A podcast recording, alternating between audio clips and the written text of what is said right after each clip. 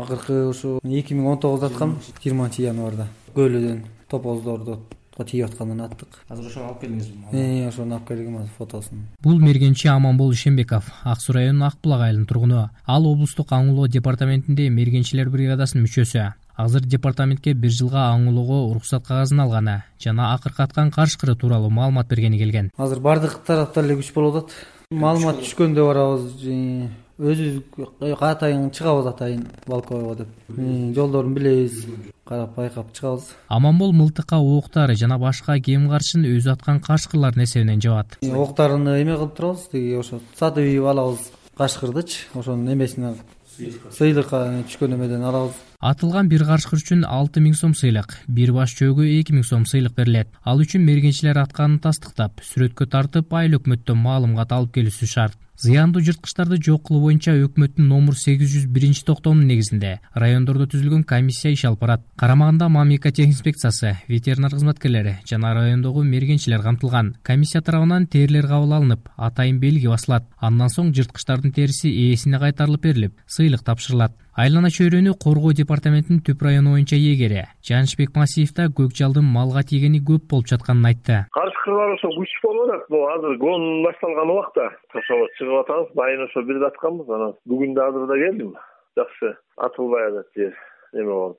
Жылдагыга салыштырмалуу бирдей эле го дейм бир аз бир аз ошо көп болуп атат ошо мал дагы көбөйгөндөн жана бозонун баары тышта калып жылкыларды жеп кетип атат тыштан. Жанычбек мергенчи да материалдык жактан жардам болсо жырткычтарды азайтууга болот эле дейт. Самый главный колдо ошо жанагыдай күйүүчү май неме менен неме кылса жардам берсе анан ок дары менен эмеде а так ар кайсы жерден чыгып атат да мисалы түптүн тиги башынан кайра тиги ү көл жактан анан бүт жака кыдырып барып келиш керек болуп атпайбы ошого байланыштуу күйүүчү май менен эле азыр өзүңөр билесиңер да неме да кымбат да ок дары да кымбат. Жырткыч жаныбарларды жок кылуу үчүн биотүрдүүлүктү сактоо жана өзгөчө коргоочу жаратылыш аймактар департаментинин облустагы өкүлчүлүгүнүн кызматкерлеринен жана жергиликтүү аң улоочулардан топ түзүлүп күрөш жүргүзүшөт. Бул тууралуу департаменттин облустагы өкүлчүлүгүнүн жетекчиси төлөгөн үсөнбаев айтып берди.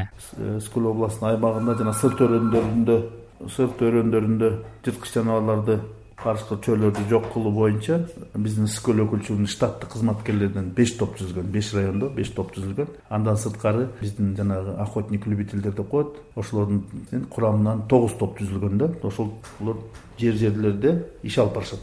Түзүлгөн топтор областтын аймагында боюнча жыл бою баягы рейдтерди уюштурат. Анан биздин эме боюнча алтымыш беш жолу рейд уюштурулган эки миң он сегизинчи жылдын ичинде. Анан жыйынтыгында жүз он эки баш карышкыр жетимиш сегиз баш чөө анан ошо жүз он эки баш чөө эменин ичинен кашкырдын ичинен эки баш бөлтүрүк атылган да. Биотүрдүүлүктү сактоо жана өзгөчө коргоочу жаратылыш аймактар департаментинин облустагы өкүлчүлүгүнүн маалыматында эки миң он сегизинчи жылдын башынан азыркы күнгө карата облус боюнча элүү үч ири мүйүздүү мал кырк бир топоз отуз баш жылкы жана жүз отуз беш ача туяктуу жандыктар кашкырга жем болду. Асем адамбеков азаттык ысык көл облусу